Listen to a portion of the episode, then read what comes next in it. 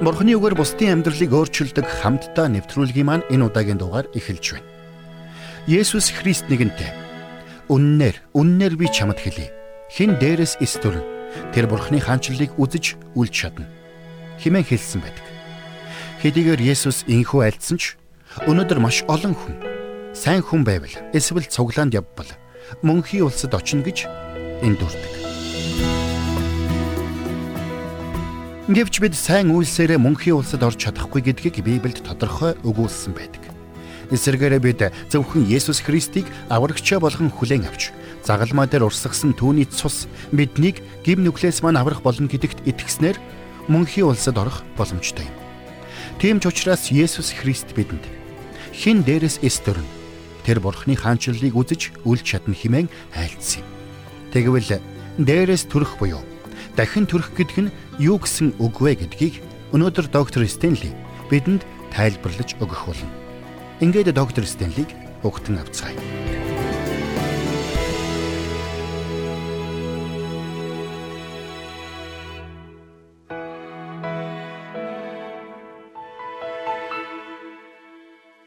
Өнөөдөр миний ярих энэ сэдв бол хүн бүрийн заавал ойлгох ёстой зүйлсүүдийн нэг юм.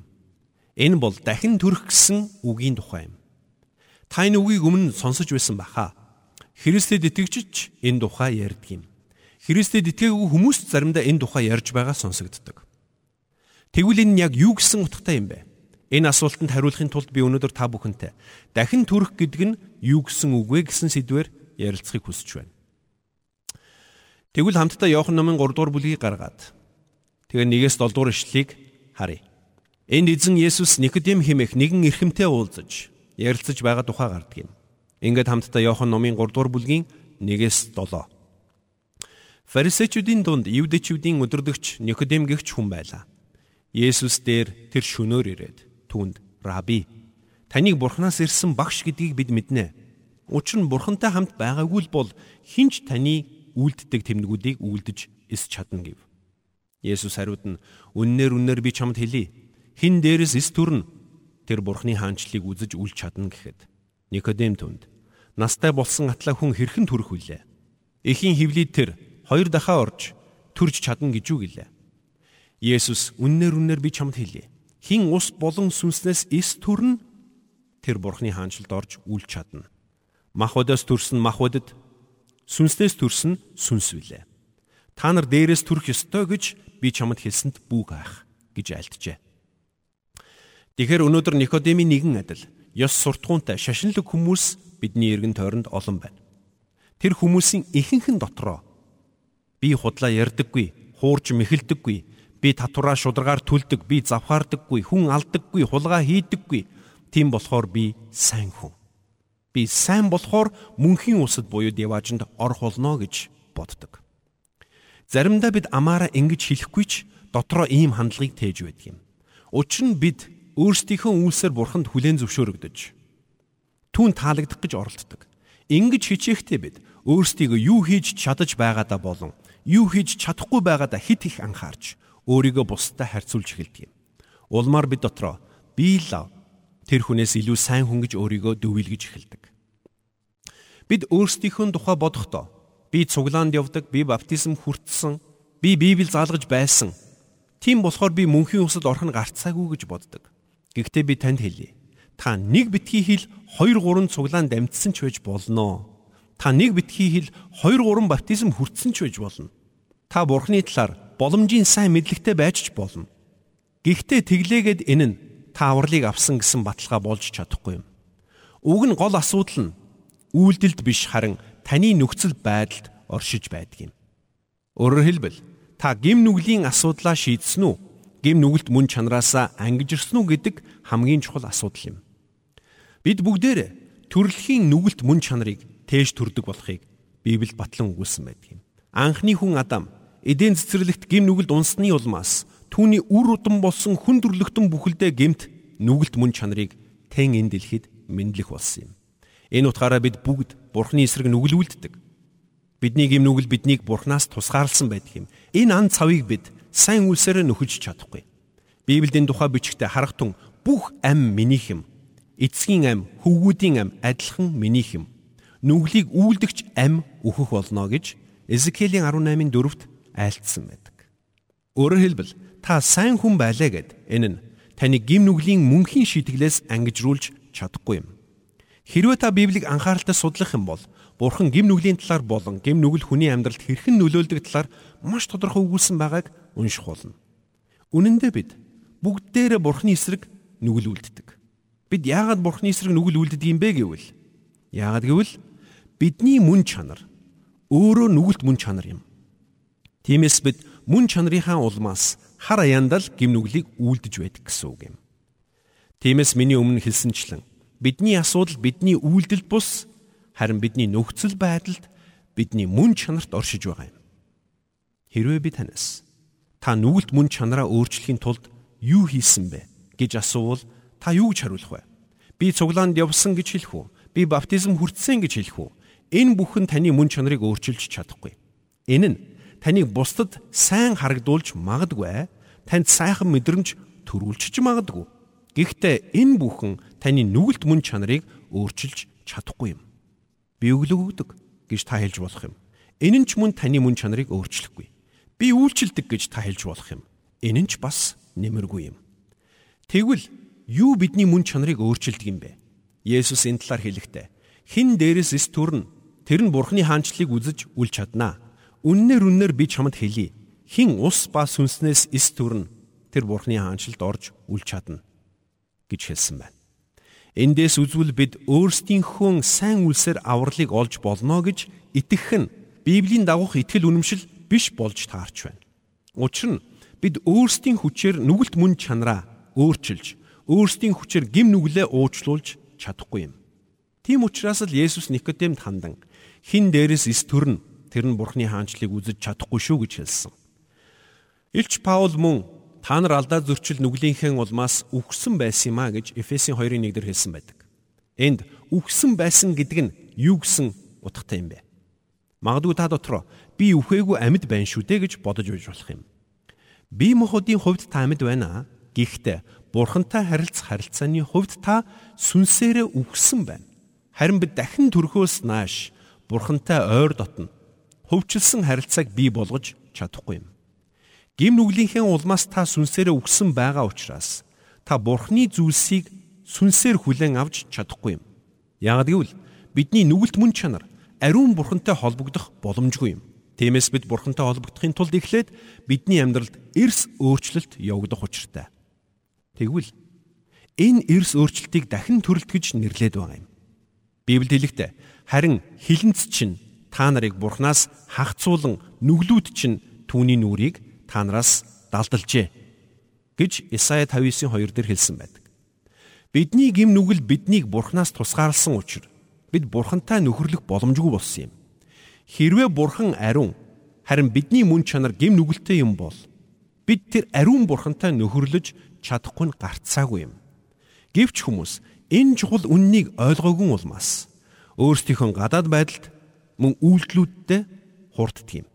Тэд өөрсдийгөө сайн хүн хэмээн бодож энэ нь тэдний сүнслэг авралт хангалттай гэж итгэдэг. Гэтэл бидний ямар ч үйлс бидний мөн чанарыг өөрчилж чадахгүй юм. Эзэн Есүс энд та нар дээрээс төрөх ёстой гэж би чамд хэлсэнд бүүгаах. Ингэж хэлснийхээ яг өмнөх ишлэлд тэрээр махвадаас төрсөн махвад сүнснээс төрсөн сүнс үлээ гэж хэлсэн юм. Энэ нь бид өөрсдийн махбодын өөрчлөлт, өөрсдийн хичээл зүтгэлээр сүнслэг өөрчлөлтийг авчирч чадахгүй гэсэн үг юм. Цаашилбал махбодоос төрсөн махбод сүнснээс төрсөн сүнс үлээ гэж хэлсэн. Цаг нь болоход бидний махбод үхэн гэсэн утгатай юм. Тэр цагт бид шин биеийг хүлээн авах болно. Харин бидний сүнс хизээж үхэхгүй юм. Тиймээс дахин төрөлтийн хувьд бид өөрийнхөө хүчээр хичнээн хичээсэн ч ямар ч нэмэргүй байх нь. Учир нь Махвд бол махвд. Сүнс бол сүнс юм. Эзэн Есүсийн хэлсэнчлэн сүнснээс төрсөн сүнс юм. Тэгвэл бид дахин төрхийн тулд яг яах ёстой юм бэ? Биднийг дахин төрөх үед яг юу өөрчлөгддөг юм бэ? Дахин төрөх үед юуны түрүүнд бидний сүнс өөрчлөгдөж байдаг юм? Улмаар бид Бурхантай харилцах харилцаатай болдгийм. Бурхны сүнс бидний дотор нутаглаж бидний бодол санаа, үйл хөдлөл болон үг яриаг чиглүүлж эхэлдэг юм. Тиймээс бидний амьдрал бүхэлдээ цоошиноор өөрчлөгдөж эхэлдэг. Өөрөөр хэлбэл дахин төрнө гэдэг нь бидний зөвхөн зам байдал, үйл хөдлөл өөрчлөгдөхийн нэр биш. Харин бидний амьдрал бүхэлдээ өөрчлөгдөхийн нэр юм шүү. Энэ нь яг л тэр хүн цоо шинээр дахин төрсөнтэй адил юм. Тэгвэл эзэн Есүс үүнийг Никодемд инхүү тайлбарлсан байна. Учир нь Никодем насанд хүрсэн хүн хэрхэн ихийнхээ хөвлөд дахин орж мэдлэх хүлээ хэмээн асуусан. Үүнийг огт ойлгоогүй байгаагаа Никодем хүлээн зөвшөөрсөн юм. Харин Иоханны 3:8 дээр эзэн Есүс инхүү айлдсан. Салхи дуртай газраараа үлээдэг. Чи дууг нь сонсовч салхийг хаанаас ирж хааш оддгийг мэддэггүй шүү дээ сүнснээс төрсөн хүн бүр ийм л байдгиймаа гэж хэлсэн. Энэ нь бидний дахин төрөлт хий хоосон хийсвэр зүйлс гэсэн үг үү? Мэдээж үгүй. Харин энэ үгээрээ эзэн Есүс Никодим чи үүнийг ойлгохгүй. Чи өөрийн биеэр тэр өөрчлөлтийг мэдрэхээс нааш үүнийг ойлгож чадахгүй шүү гэж хэлж байгаа юм. Жишээ нь зарим хүмүүс би зөвхөн нүдэрэ харж байж л итгэнэ гэж хэлдэг. Тэгвэл та нарын хэд чин салхийг нүдэрэ харсан юм бэ? Бидний хинч хараагүй шүү дээ. Тийм учраас Есүс салхи дуртай газраараа үлээдэг. Чи дууг нь сонсовч салхийг хаанаас ирж хааш оддгийг мэддэггүй шүү дээ гэж хэлсэн. Гэхдээ хэдийгээр бид салхийг нүдэрээ харж чадахгүйч хүчтэй салхи шуурга, хар салхи нүүрлэх үед хүч чадлын үр дагаврыг бид харж мэдэрдэг. Бид салхийг нүдэрээ харж чадахгүйч мэдэрч чаддаг юм аа. Үр дагаврыг нь харж чаддаг. Зарим хүмүүс би нүдэрээ харахгүй л бол би юунд ч итгэхгүй гэж хэлдэг. Тэгвэл тэр хүнээс би асуумаар байна. Та загилгаан гүйдэлд бас итгэхгүй юу? Та загилгаан гүйдлийг нүдэрэ харахгүйч үүний үр дагаврыг нь хардаг шүү дээ. Хэрвээ та үүнийг байдаг эсхийг үнэхээр мэдэрмээр байвал загилгааны утаснаас бариад үзэхгүй юу?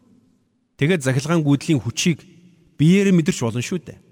Үүний нэгэн адил Бурхан бидний амьдралыг өөрчлөх үед бид амьд Бурханы хүч чадлыг мэдэрдэг юм. Никодим дахин төрөлтийг ойлгож чадахгүй байсан. Түүний хувьд энэ нь ямар нэгэн үл ойлгогдох нууцлаг зүйл мэт санагдаж байсан юм. Тэгвэл эндээс та нэг зүйлийг ойлгох хэрэгтэй. Дахин төрөлтийн нууц нь бид үүнийг ойлгож чадахгүй байгаа юм биш. Харин төгс ариун тэр бурхан яаж гим нүгэлтэй сулдраа хүмүүсийн төлөө дэлхийд ирээд бидний гим нүглийн шийтгэлээс чөлөөлсөнд дахин төрөлтийн гайхамшигтай нууц оршиж байдаг юм. Үүний улмаас тэр хүн гим нүглээ гимшиж итгэл найдвараа Есүс Христэд өгч Бурхнаар өдөрдүүлсэн амьдралаар амьдарч эхэлдэг юм. Үүнийг энгийн ухаанаар тайлбарлах ямар ч боломжгүй юм. Энэ бол дахин төрөлтөөр дамжуулан бидний амьдралд Бурхны хийдэг агуу гайхамшигтай үйлс юм. Тэгвэл Бурхан яагаад биднийг ингэж ихээр хайрладаг юм бэ? Тэр яагаад бидэнд ийм төвчээртэй хүлээцтэй ханддаг юм бэ? Бурхан яагаад биднийг аврахыг хүсдэг юм бэ? Яагаад тэр гим нүгэлтэй сул дорой бидэнд хүрч биднийг гимшүүлж өөрийнх нь аврал руу дууддаг юм бэ?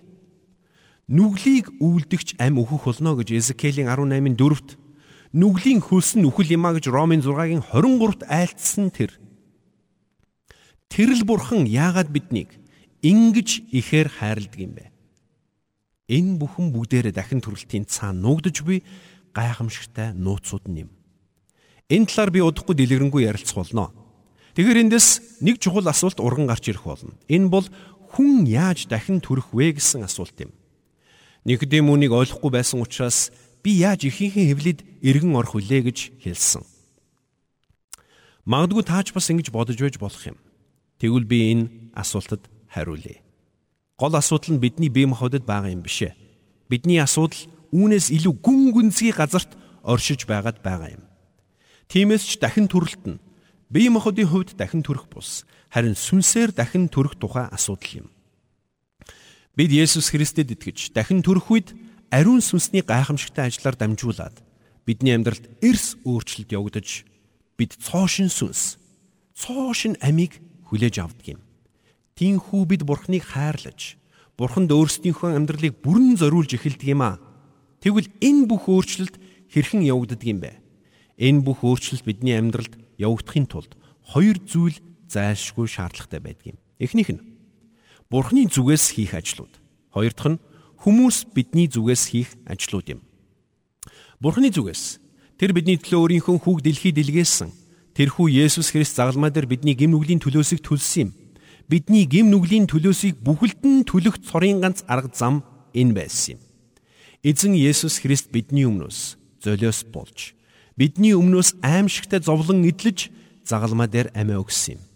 Тиймээс ч эзэн Есүс өөрөө Мөсөд сүлд тэр могоог өргөсөн шиг хүний хүч бас өргөгдөх учиртай маа гэж 3:14 дээр нь хэлсэн байна. Энд тэр өөрийгөө загалмайд цовдлогдох ёстой гэдгээ хэлсэн юм. Тэгснээр тэр бидний гим нүглийн төлөөсийг нэг мөр түлж гим нүгэлтэй сулдроо бидний гимгүй түгс ариун бурханд эвлэрүүлэх боломжтой болгосон юм. Тэгж байж бурхан өөрийн зөв шудраг байдалтай зөрчилдөхгүйгээр бидний гим нүглийг бүрэн уучилж биднийг өөрийнхөө гэр бүлийн гишүүд болгох боломжтой болсон юм. Тиймээс Мөсед сүлд тэр могоог өргөсөн шиг хүний хүч бас өргөгдөх учиртай гэсэн Есүс Христ бидний гим нүглийн төлөөсийг бүрэн түлхийн тулд загалмай дээр цовдлогдох ёстой байсан гэсэн үг юм. Эндээс үзвэл бид зүгээр л гим нүглээ гимшлээгээд гим нүглээсээ цэвэршүүлэгдэг хэрэг биш байх нь. Харин Есүс Христ бидний төлөө загалмай дээр цусаа урсгасан учраас түүнд итгэх итгэл дотроос гимших нь бидэнд аврал уучлалыг өгдөг байх нь. Есүс Христ бидний төлөө загалмай дээр амиа өгсөн учраас бид түүнд итгэх үед Бурхан бидний бүх гим нүглийг нэг мөссөн уучилдаг байх нь. Тэгэхээр юуны түрүүнд бидний дахин төрөлтөд Бурхны оролцоо зайлшгүй гэдгийг бид ойлгох хэрэгтэй байх нь. Энэ бол Христийн үүрсэн загалмай юм. Христийн загалмайн үйлсээс ангид дахин төрөлт гэж үгүй юм. Тийм ч учраас аливаа хүн гаднаа шашинлаг дүртэй байлаа гэд.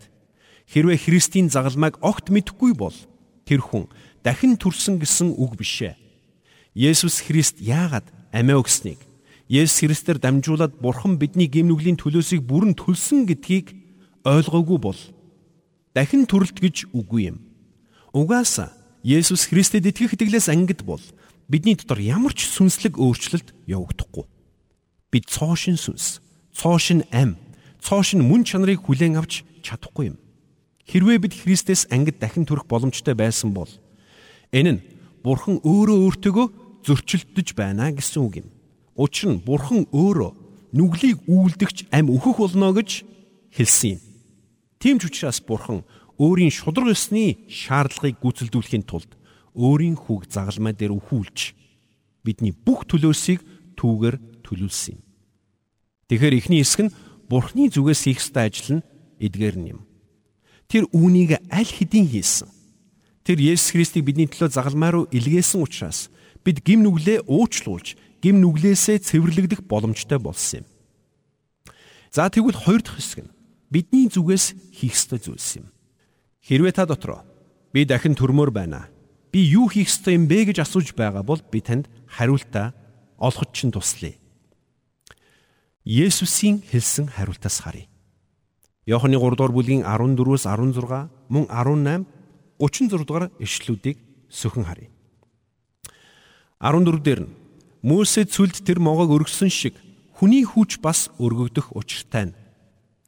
Түүнд итгэдэг бүхэн мөн хамтаа байхын тулд билээ. Бурхан ертөнцийг үнэхээр хайрласандаа цорын ганц хүүгээ өгсөн тул хүүд итгэдэг бүхэн мөхөхгүй харин мөн хамтаа байх юм а. 18 дээр түүнд итгэдэг нь яллуулахгүй харин итгэдэггүй нь хэдийнэ яллуулсан. Бурхны цорын ганц хүүгийн нэрэнд итгээгүй учир юм а. 36 дээр нь хүүд итгэдэг нь мөн хамтай харин хүүд дуулуургүй нь мөн хамиг эс үзэх бөгөөд бурхны уур хилэн түүн дээр оршино гэсэн байна. За тэгэхээр эндээс үзвэл хүний зүгээс хийх ёстой ажил нь юу юм бэ? Энэ хэсэгт Есүс бидний зам байдал эсвэл үйл хөдлөлийн талаар юу ч хэлээгүй байгааг та анзаараарай. Харин Есүс эзэн хин дээрээс эс төрнө.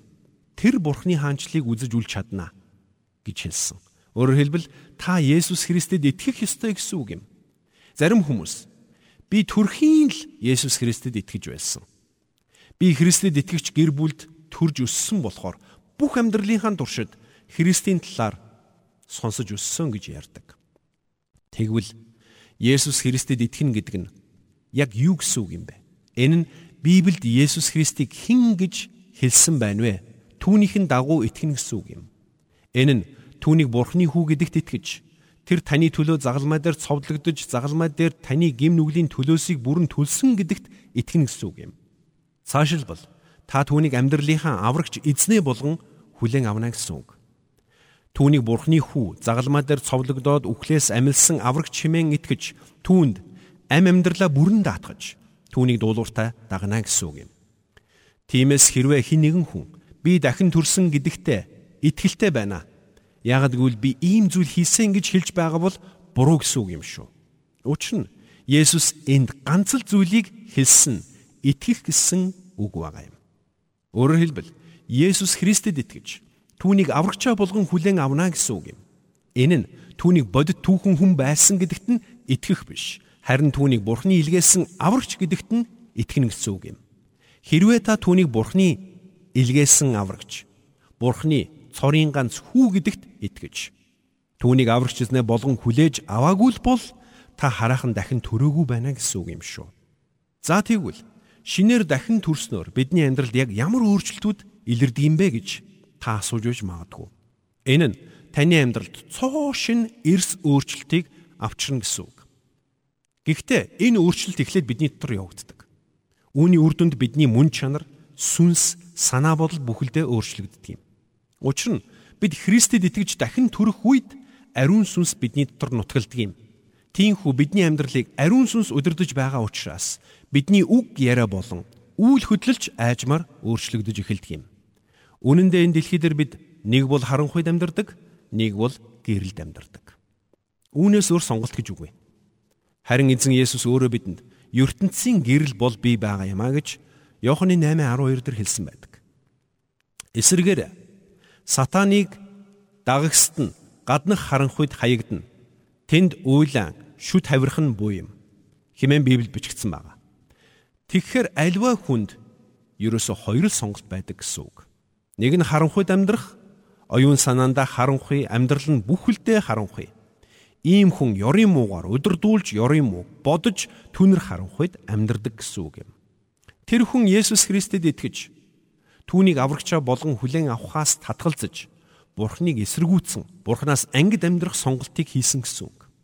Өнөөдөр олон хүн өөрсдөө ч мэдлгүйгээр яг л ийм байдалтайгаар түнэр харанхуйд амьдарч байна. Харин эсвэргээрээ Есүс Христэд итгэж дахин төрсөн хүн гэрэл дотор алхаж гэрэл дотор амьдардаг Тэгэхээр та бидэнд үндсэндээ хоёр сонголт байдаг гэсэн үг. Эхнийх нь та гэрэл дотор амьдрах сонголтыг хийж болно. Тэр цагт таны гим нүгэл бүхэлдээ уучлагдах болно. Бурхны сүнс таны дотор нутаглаж, Бурханаас ирэх баяр хөөр, амар тайван, сайн сайхан, мөн хамийн бэлэг таних байх болно. Энэ бол гэрэл дотор амьдрахын давуу тал юм. Эсвэл та харанхуйг сонгож болно. Бурхны эсрэг тэрсэлж Бурхны хүлээн авахаас татгалзаж өөрийнхөө хүслийг даган харанхуй дотор амьдрч болно.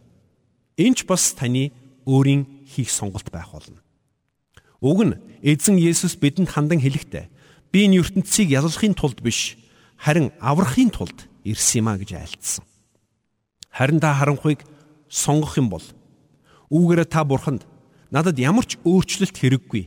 Би өөрийнхөө хүснээр амьдрах болно. Би өөрийн хүчээр бүхнийг хийнэ надад таны тусламж огт хэрэггүй гэж хэлж байгаатай адилхан юм. Тэгсэн ч та өөрийнхөө яаж ч хичээсэн бай. Юу ч хийсэн бай. Өөрийнхөө хүчээр мөнхийн усад орж чадахгүй юм. Учир нь Есүс Христэд итгэж ариун сүнсээр дахин төрж Есүс Христийн цусаар гим нүглээ цагаатгуулахаас нааш аливаа хүн гим нүглээсээ бүрэн ангижирч чадахгүй юм.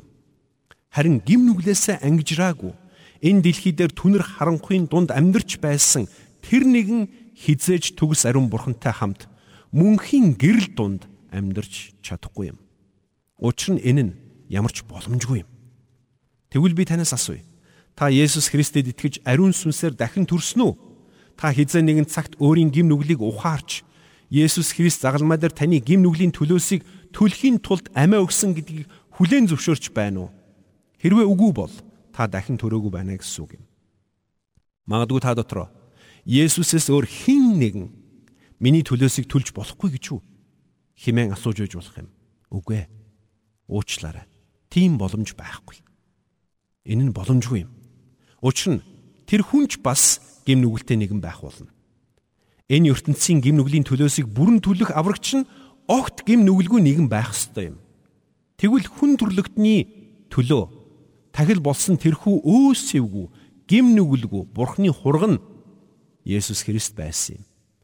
Тиймээс та бидний хувьд Бурхны хүү Есүс Христ миний гим нүглийн төлөөсийг бүрэн төлсөн гэдэгт итгэж түүнийг амьдралынхаа аврагч болгон хүлээн авах нь мөнхийн усад орох цорын ганц зам юм. Тэгвэл та энэ шийдвэрийг гаргасан уу? Хэрвээ үгүй бол та яг одоо энэ шийдвэрийг гаргаарай. Би яаж энэ шийдвэрийг гаргах вэ гэж бодож байвал би танд хэлж өгье. Зүгээр л Бурхан эцгийн өмнө очиод залбир. Бурхан эцэг минь би өнөөдрийн энэ үгийг сонссоод Есүс Христийг таны хүү гэдэгт итгэж байна. Бас таны хүү Есүс Христ миний төлөө загалмай дээр нас барж миний гим нүглийн бүх төлөөсийг төлсөн гэдэгт итгэж байна. Миний гим нүгэл намайг танаас тусгаарлаж байсан боловч Есүс Христэд итгэх итгэлээр дамжуулан та намайг өөрийнхөө хүүхэд болгож хүлээн авсан гэдэгт би итгэж байна. Би Есүс Христийг аврагч эзнээ болгон хүлээн авч байна. Хэрвээ та ийм хүү залбирах юм бол Бурхан таныг өөрийнхөө гэр бүлд угтан авах болно. Учир нь Есүс хэлэхдээ эцгийн надад өгдөг бүхэн над руу ирнэ. Над руу ирэхчийг би огт хөөж гаргахгүй гэж Иоханы 6-гийн 37-д айлтсан байдаг.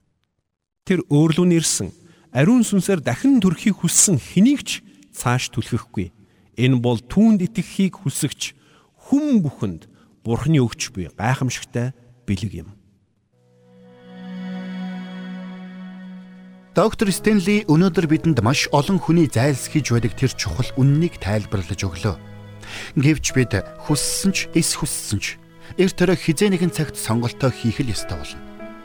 Энэ бол Бурхны хайрыг түүний санал болгож буй авралыг хүлээж авах уу үгүй юу гэсэн сонголт юм. Тэгвэл би таныг Есүс Христийг аврагчаа болгон хүлээн авч Бурхны авралыг хүлээн авсан гэдэгт итгэж байна. Хэрвээ та энэ сонголтыг хийсэн бол Бурхантай мөнхийн мөнхөд хамт байх болно. Нэгдүгээр явахын загталд бидний дахин төрөх үед юу болдгийг маш тодорхой тайлбарлаж өгсөн байдаг. Хамтдаа энэ цагийн төгсгөлд нэгдүгээр явахын 5-ын 10-аас 12-ыг уншицгаая. Бурхны хүүд итгэдэг нь дотроо гэрчлэлтэй. Бурханд итгэдэггүй нь түүнийг худалч болгож байна. Учир нь хүүгийнхээ тухай гэрчилсэн Бурхны гэрчлэлд тэр итгэсэнгүй. Гэрчлэл нь энэ байна Бурхан бидэнд мөнх ам өгсөн бөгөөд энэ хүү ам хүүдэн байна. Хүүтэй хүнд ам бий. Бурханы хүү байхгүй хүнд ам байхгүй. Амен.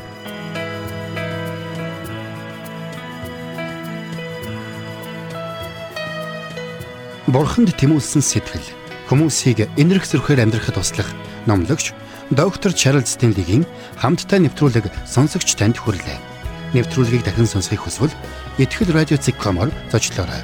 Бидэнтэй холбогдохыг хүсвэл 8085 99 тэгтэг дугаард хандаарай.